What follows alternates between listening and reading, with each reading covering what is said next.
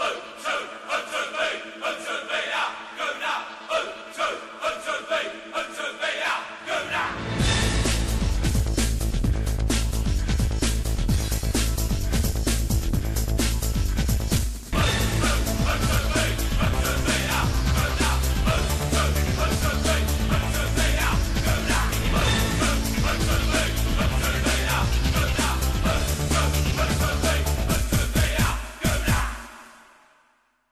Alright, welcome back to Gue Lokal Podcast.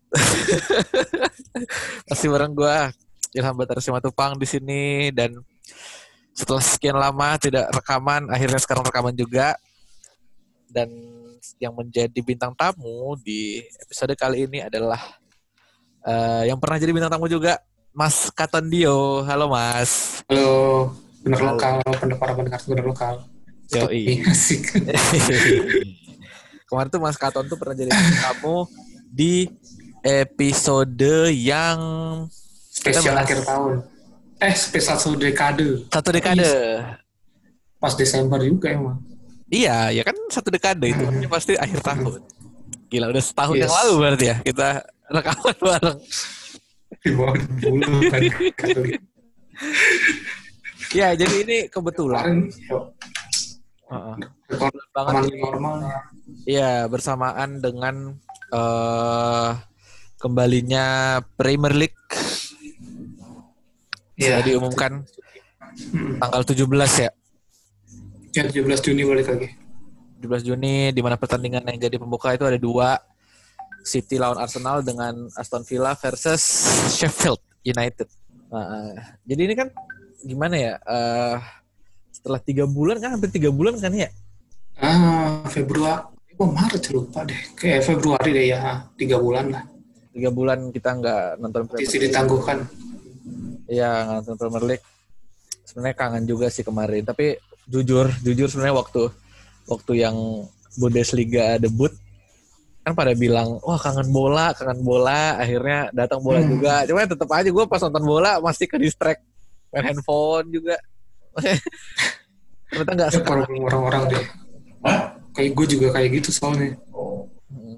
Ternyata nggak sekangen itu gitu sama bola tuh. Ya. Action action aja bilang kangen. Iya, oh ini selama Yang pandemik Mas Kator ngapain aja, Mas?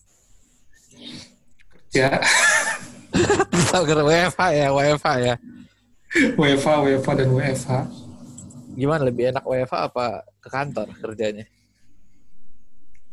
Sama aja sih, karena gue mikirnya kalau WFA tuh lebih irit, ternyata enggak boros di internet malahnya. Jadi internet ongkos jadi uang ke internet.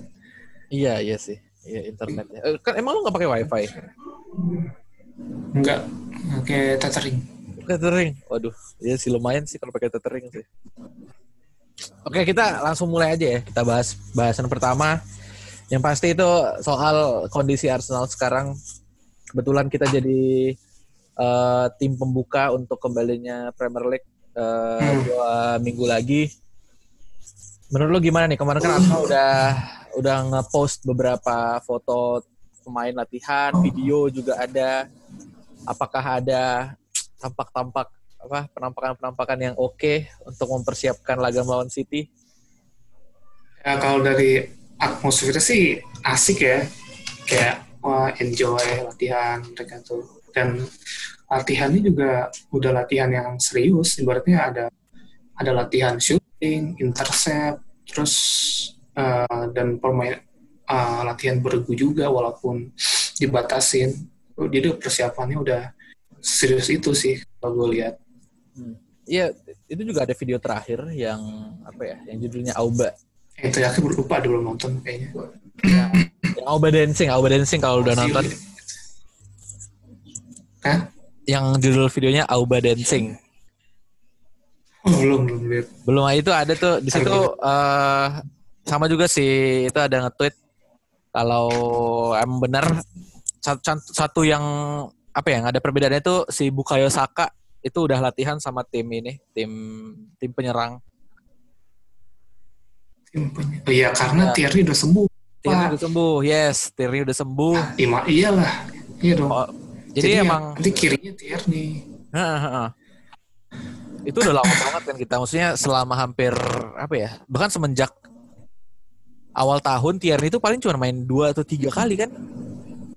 Eh, cuma sedikit. Nah sekarang Tierney udah sembuh, Rob Holding udah sembuh. Hmm. Yang belum sembuh kayak gue September Agustus dia baru sembuh. Iya, ha, ha, ha. makanya eh, salah satu yang mungkin bakal jadi pembeda di versus City nanti pengennya ngelihat Bukayo Saka balik lagi di ini sih. Jadi peny apa penyerang sayap sih. Tapi kayaknya gue nggak tahu sih kayak sih feeling gue yang main Martinelli tapi lihat ntar deh. Feeling gue sih yang main Martinelli. Soalnya kan kalau iya sih sebenarnya Martinelli sama Saka tuh bisa aja. Cuman kalau gue lihat eh kemarin kan terakhir Martinelli sempat cedera kan. Oh, nggak salah tuh cedera, ya cedera ringan sih sebelum pandemik ya sebelum pandemik. Cuman nggak tahu sekarang Iya, kondisinya kayak gimana. Kayaknya kemarin ada latihan juga nggak dipisah deh. Ada videonya kalau lihat sekilas. Iya Martinelli nggak dipisah, Martinelli nggak dipisah. Ah, berarti kayaknya sih baik-baik aja. Ototnya makin gede cuy. Martinelli. Iya nih calon calon scorer kayaknya feeling gue asik. Emang eh ngelihat apa ya? Pertama kali match lawan City kan gue sempat eh, ngirim meme kan, bikin meme di Twitter gular lokal apa yang ketika eh, Premier League kembali fans Arsenal senang, eh pas tahu lawan City pada kaget semua. Sebenarnya itu ini doang sih, itu hyperbola doang karena gue yakin pasti Arsenal sama City tuh sama-sama emang gak siap gak sih buat bukan gak siap Iya, ya, iya. tapi sama-sama prepare itu sama-sama dari nol lah. Ya dadakan. Ini kan ibaratnya kan tiga bulan stop, anggap aja lu libur libur pramusim gak sih? Hmm, hmm, hmm. Iya kan, cuma bedanya ini langsung liga. Ya, dan intensitas latihannya pasti yang sekarang ini lebih rendah nggak sih? Karena kan kalau di rumah, Iya dong. kalau di rumah kan Cuma nggak, main fisik doang.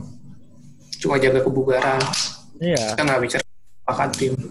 Maksudnya kalau kayak lihat Bundesliga aja deh, Bundesliga aja kemarin ya emang dia balik, tapi kalau lu lihat jarang banget ada tackle-tackle yang keras. Agresif ya ya. Kayaknya itu emang udah dikasih tahu gitu deh sama si apa pihak Bundesliga. Itu kayaknya uh, uh, opsi protokol kesehatannya lah ya. Kalau bisa, maksudnya jangan ada tackle yang berbahaya. Makanya kalau lu lihat ada satu golnya, golnya siapa ya?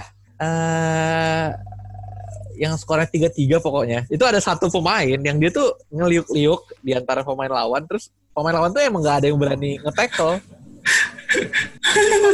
Emang kayaknya ya orang juga mungkin pertama mungkin takut karena kontak fisik atau mungkin juga takut ngecederain lawan karena kan pasti kakinya kan kaku banget kan, maksudnya nggak sepanas Oh, liga udah balik. Frankfurt Freiburg kayak Iya, Frankfurt Freiburg. Iya. iya. Frankfurt Freiburg gitu. Nah, itu ada satu gol yang Frankfurt, gue ingat banget. Itu pemain tuh ngeliuk-liuk aja tuh di antara back Freiburg gol.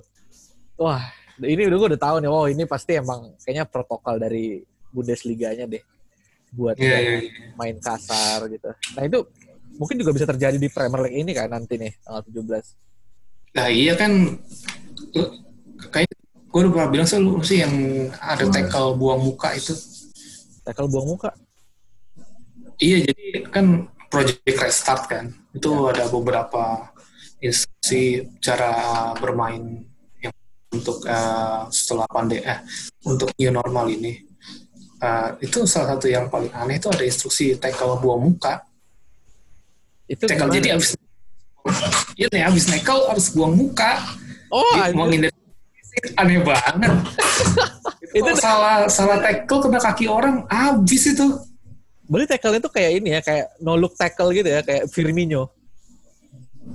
Iya tapi esensinya apa men? Lu corner kick pasti rame, corner fisik, terus betis lah segala macam. Adu apa ya? Pagar betis bener.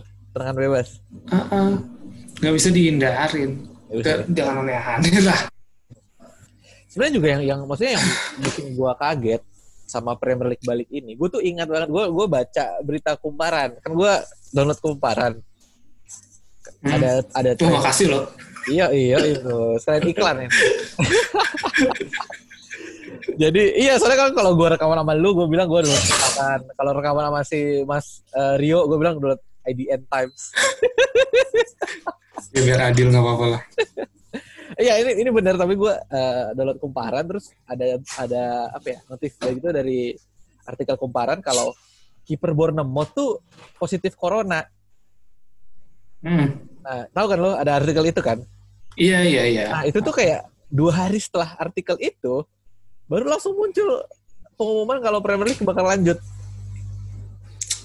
Gue sih uh, ya tadinya sih juga berpikir kalau bak kalau ada yang positif lagi udahlah ini nggak lanjut lanjut lama-lama diudahin kan cuman pas pas nggak lama setelah itu oh uh, mereka kembali 17 Juni terus gue mikir ah udah dah kayak sih mau ya udahlah yang sakit-sakit nggak usah main yang sehat ya main kayak sih maunya kayak gitu demi tidak harus ganti rugi ke penyelenggara hak siar uh, TV karena kan kalau misalnya kompetisi disudahi begitu saja, uh, klub Premier League ini kan harus balikin duit ya.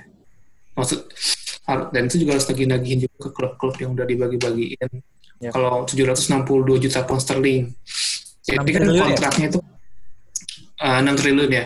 Jadi kontraknya itu kalau dalam pound sterling itu dengan dengan Sky Sport dan BT Sport, BT ya BT Sport ya, itu kan Sport. 6 miliar pound sterling. Nah, sisanya ini kalau nggak ini nggak lanjut 762 juta pound sterling. Tapi kalau kalaupun lanjut pun kalau tanpa penonton tetap bayar juga sih 365 juta kan ya lumayan lah potongan. Ya, ya pokoknya intinya ingin menekan ah, iya sih. motifnya ekonomi sih kalau menurut gua. Bisnis lagi sih ujung-ujungnya. Mm -mm. Kalau nggak banyak duit yang berputar juga udah stop kayak Liga Prancis, Liga Belgia menurut gua sih. Ya berarti Liga Prancis emang pure karena bisnis juga ya. Maksudnya ya Prancis. Ya, ya tapi kan walaupun mereka Liga top Big Five Liga top Eropa ya dibanding Liga Inggris ya jauh. Jauh jauh. Iya, maksudnya tahu nilai berapa tapi hmm.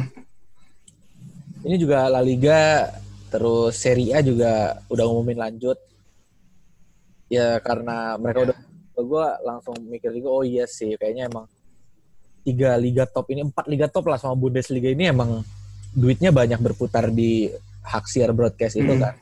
Iya iya. Makanya kalau mereka nggak lanjut ya selain yang rugi Bundesliga-nya juga yang rugi timnya sih. Timnya ya. Tapi ya ya gimana ya kalau lu seneng nggak dengan kembalinya Premier League ini? Tapi dengan situasi yang kayak begini. Hmm, Gak ideal sih. Gak ideal. Sih ya. berharap udahan Liverpool juara udah deh adil lah kayak oh, gitu. Liverpool tetap dikasih juara. Kasihan udah gila lu main dua kali lagi masa nggak juara. Tapi iya sih. Iya sih. Maksudnya ya itu kan poin. udah juga. biarin deh. Uh, uh, itu kan poin juga dia juga udah pasti sih juara gak terkejar lagi. Mm -hmm. Gue mah gue tuh pengen ah ya. Gimana gimana gimana? gue sih pengennya ya udah konsen ke musim depan aja mungkin ada yang harus dibenahin sekarang kan project restart ini kan serba serba dadakan lah pemikirannya juga kayaknya nggak terlalu matang buktinya kayak tekel buah muka itu juga hmm. aneh-aneh gitu loh dan itu tuh ya, makin menegaskan ini motif ekonomi adalah eh, yang liga perempuan kan nggak ada nah, iya. uh, di, di udahin satu hari sebelum Premier League iya, kan, karena iya makanya kemarin kan disindir sama beberapa pihak kayak di Deschamps oh ini kok liga perempuannya diudahin tapi uh, yang cowoknya lanjut dasarnya mata duitan gitu Udah lah ya. Di Deschamps. Ya mungkin dia juga ini kali. Jadi ya ngerti lah ya pasti ya. Maksudnya dia ngeluarin statement kayak gitu itu pernah ada di industri itu kan Terus dia tahu itu emang semua berkenaan dengan duit mm-hmm. itu juga sebenarnya nggak gue ngerasa ya nggak usah dilanjutin juga sih apalagi setelah mm, yeah. karena kan yang kayak si itu kiper Bournemouth kena positif apa uh, udah positif. Terus juga kayak si uh, Kante. Corona. Iya Kante kan terang-terangan nih dia bilang dia nggak mau. Troy Dini juga nggak mau takut katanya uh -uh. punya keluarga. Aguero juga. Maksudnya banyak pemain juga yang apa namanya yang udah concernnya tuh ya ya udahlah, gue juga nggak apa-apa kalau Liverpool dikasih juara atau liga ini dihentiin. Ya. Uh -uh. Kita sehat-sehat uh -uh. aja dulu semua. Iya. Tapi gimana? Money talks, bro. Money talks. Gila ya. Kacau kalau udah parah, duit bro. Parah, jutaan, parah. miliaran. Ya.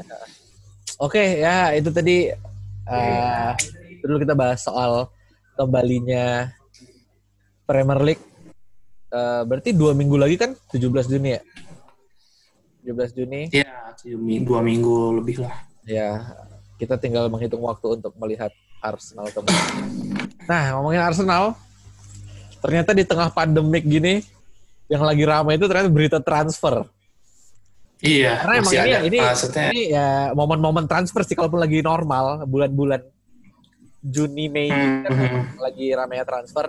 mulai dekat. Iya sih.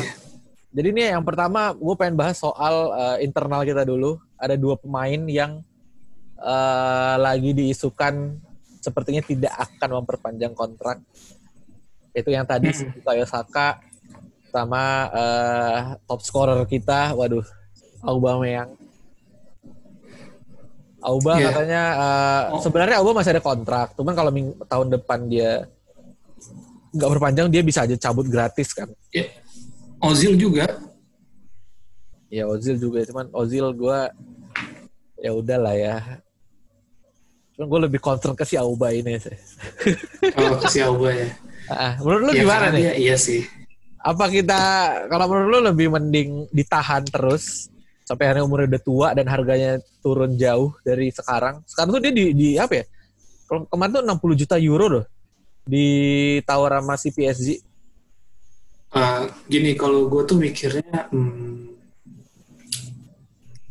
uh, eh, gue mengeksklusikan mengeksklusikan Bukayo Saka dulu deh kalau Bukayo Saka sih gue pengen dia keep di Arsenal karena prospek ya, cerah pasti.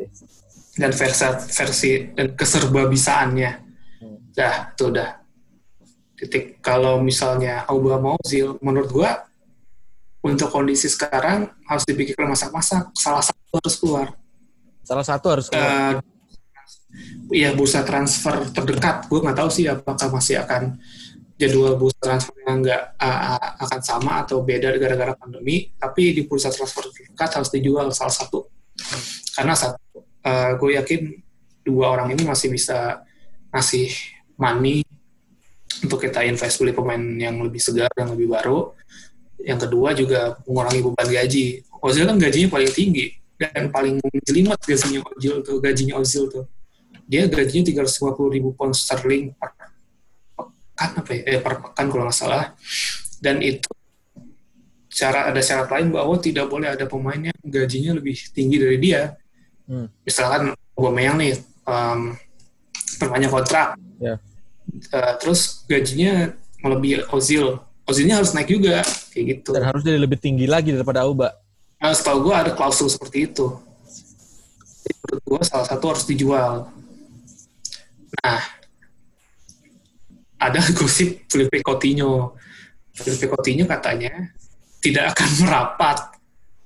Masalahnya Arsenal katanya nggak punya duit. Hmm. Nah, menurut gue kalau jual mungkin bisa. Gitu. Nah, kalau misalnya itu opsi satu, jadi pokoknya Ozil hilang, beli playmaker baru Ya. ya yang kemarin yang baru Center keluarkan itu sih ya Coutinho. Gua nggak tahu lagi itu santer banget, nggak tahu kenapa tiba-tiba. Ya, kayaknya Coutinho sama semua klub di di iniin deh. Dia, aduh, hasil aneh banget sih tuh orang. Iya. Ah, jadi apa ya?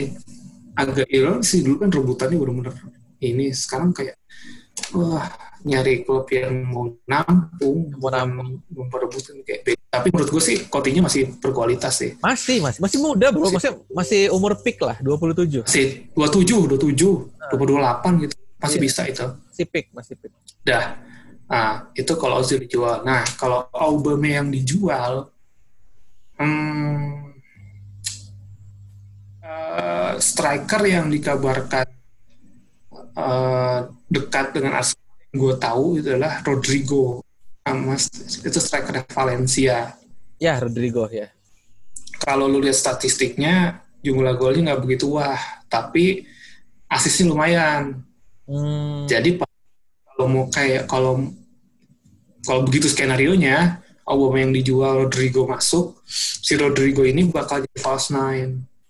Yes, false jadi nine. nanti uh, sorry nanti pencetak cetak golnya winger-winger kita yes. Martinelli gitu berarti dia saingannya malah KZ juga dong ya Hmm, Lacazette. Iya, karena kan kalau kalau yang strategi sekarang kan Lacazette sama Auba dimainin bareng, tapi Auba di sayap kan.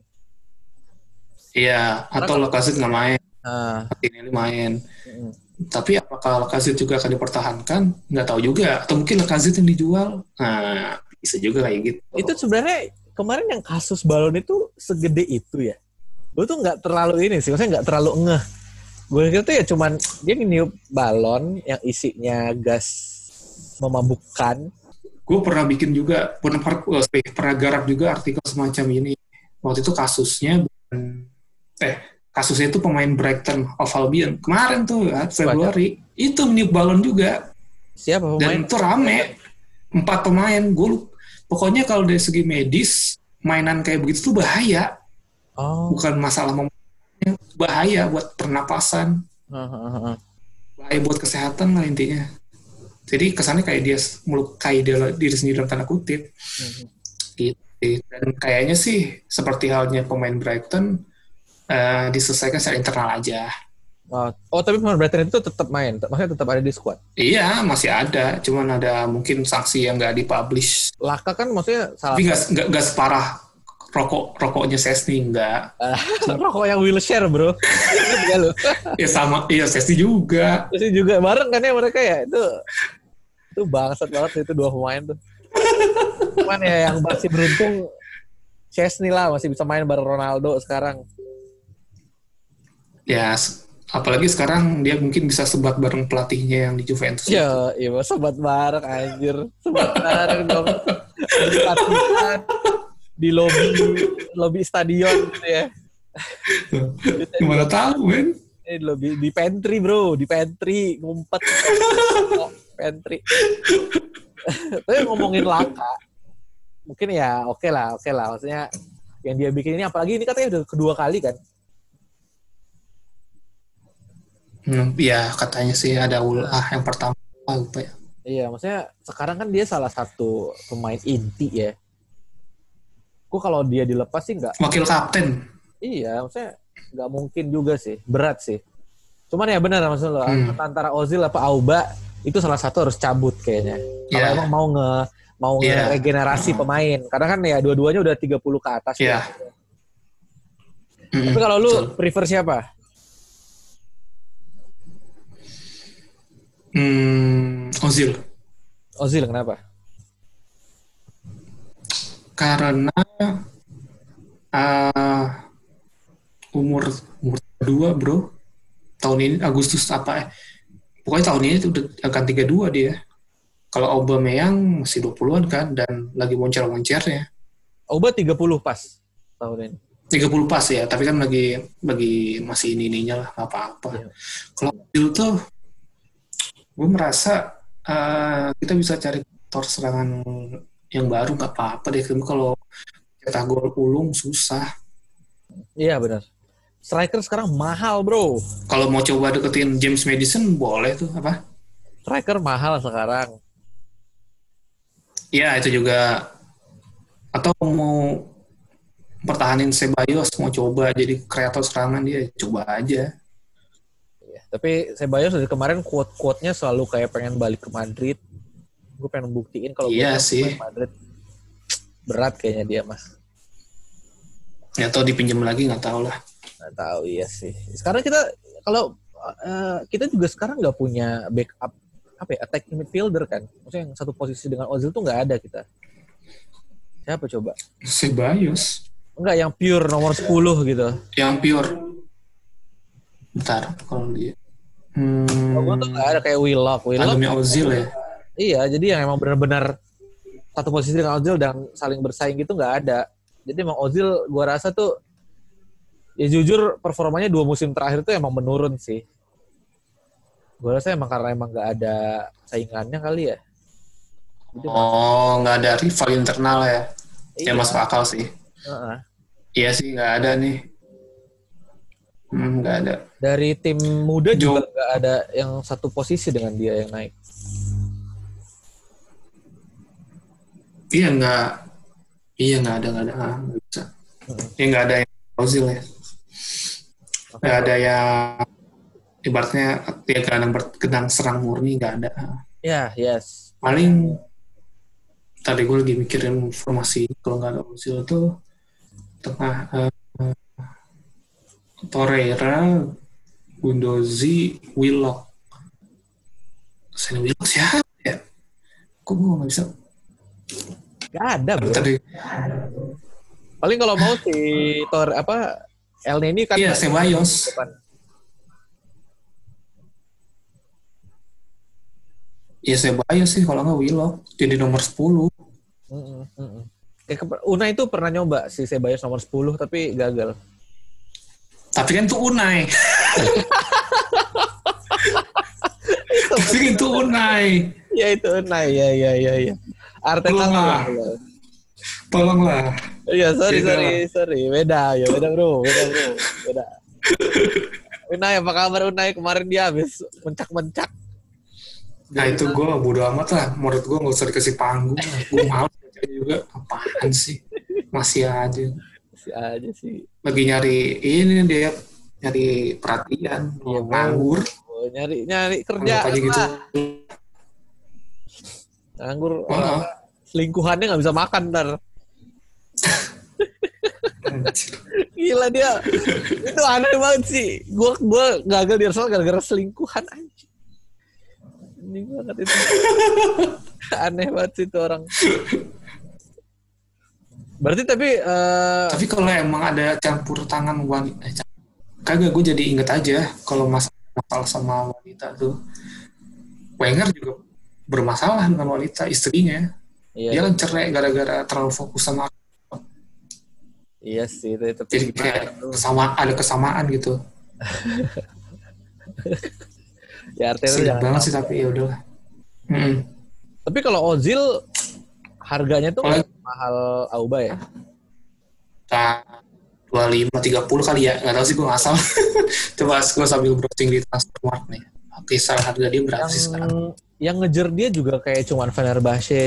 Akan sedih-sedih. Maksudnya yang ngejar Ozil pun masih Oh, klub Liga Turki. iya tim-tim semenjana. Kayaknya iya benar sih. Nggak kelihatannya nggak berduit ya. Iya. Fenerbahce terus Schalke dia katanya mau balik ke Gensel apa Gelsenkirchen kan klub lamanya Liga Jerman. Nih, nilai transfernya nih. Anjir, tujuh belas setengah lima, tujuh belas setengah juta euro. Apa itu gara-gara corona juga?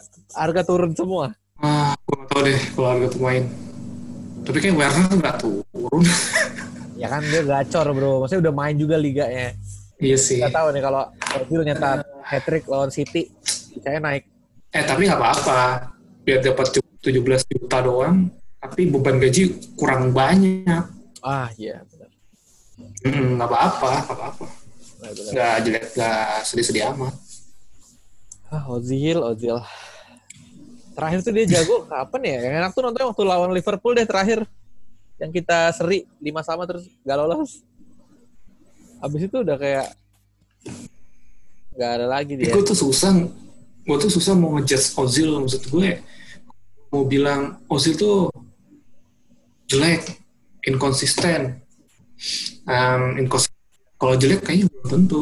Karena menurut gue apa ya hidup Ozil di Arsenal, di Arsenal tuh nggak nyaman-nyaman banget, nggak senyaman dia di Madrid. Dalam artian Ozil itu sebenarnya pemain yang bebas cedera loh. Maksudnya jarang banget cedera sebelum gabung Arsenal. Semenjak masuk Arsenal, cedera. Dan juga eh ketika dia sembuh, Wengernya juga udah nggak terlalu nggak terlalu apa ya, nggak terlalu jago dalam meracik taktik. Habis itu ganti Emery dia bermasalah. Hmm. Ah, nggak nggak nggak apa ya, nggak nyaman itu kayaknya. Nggak beruntung, Ada kondisi-kondisi kayak gitu.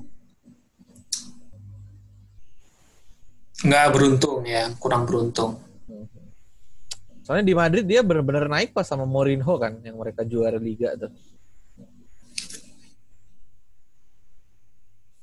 Iya. Itu ya, iya. heeh. Mourinho kan emang emang jagonya ini sih. Nomor 10 tuh dia selalu bagus. Schneider, Ozil, Deco. Tapi Ozil pun di di Bremen bagus. Iya, ha-ha. maksudnya dia benar-benar jadi world class bagus. di Madrid gitu. Itu puncaknya ya, puncaknya. Gila puncaknya umurnya umur 23 24 ya. Orang puncak tuh 27 28. Eh 28 malah juara FA Cup doang.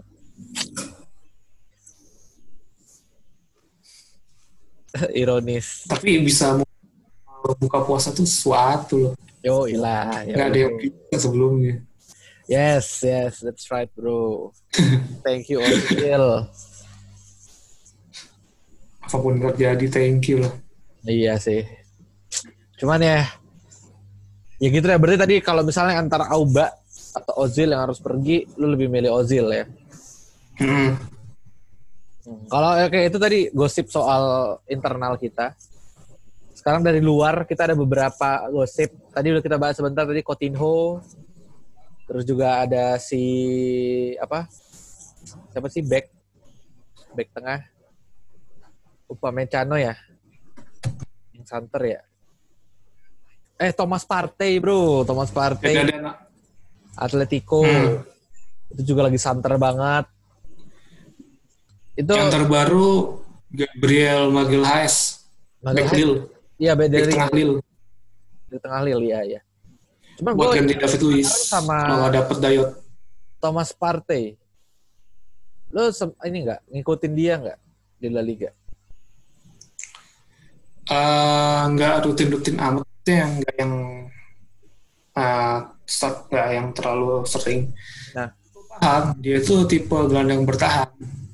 Mirip Hmm. siapa kalau di squad kita sekarang? Ada nggak? Apa beda? Torreira Oh mirip Torreira. Nomor 6. Nah, itu, itu gue mikir terus ya kalau partai dateng sebenarnya sih dibutuhin pemain kelas dunia eh, sorry pemain top sebagai gelandang bertahan Arsenal juga butuh Hmm. karena Gundozi itu angin-angin secara mental jadi dia tuh Gundozi itu ya sebenarnya tekniknya punya tapi mentalnya kurang Hmm. kalau gue lihat sih gitu Ya. Coba mungkin lo eh, perhatiin deh kalau misalnya Arsenal udah unggul kadang Gonzozi agak turun Ya.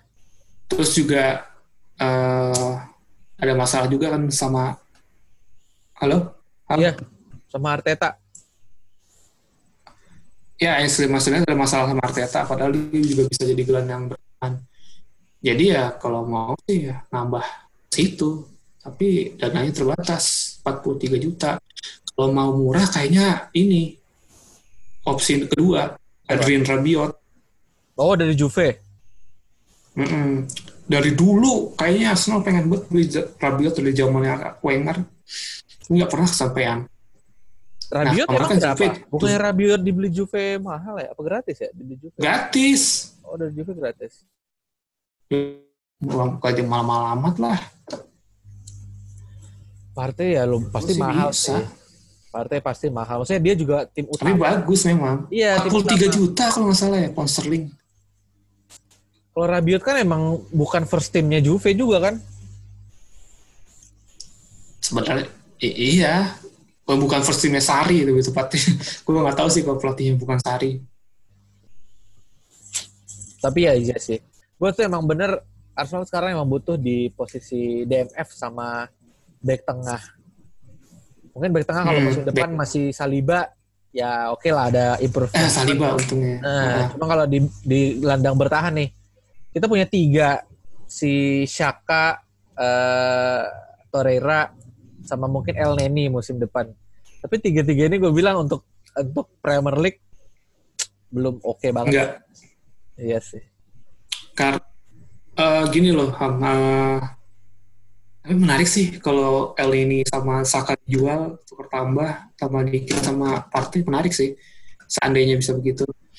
Karena mm, Saka emang membaik di tangan Arteta, tapi dia itu perlu treatment spesial. Hmm. Maksud gue apa ya? Ribut lah jadinya. Mhm. Pasti paham nggak sih? Harus di spesial dan dia eh dia ini mainnya bagus kalau begini gitu loh. Ya. Kalau Saka itu tidak hmm, tidak press resistance. Ya, Kalau tidak di cocok. press dia kadang panik, malah bola ke mana-mana. Satu, kedua dia nggak bisa bawa bola dari belakang, dari terus dia ke depan tuh lambat, balik badannya lambat, tuh kelemahannya. Gitu. Iya benar-benar. agak ribet di situ.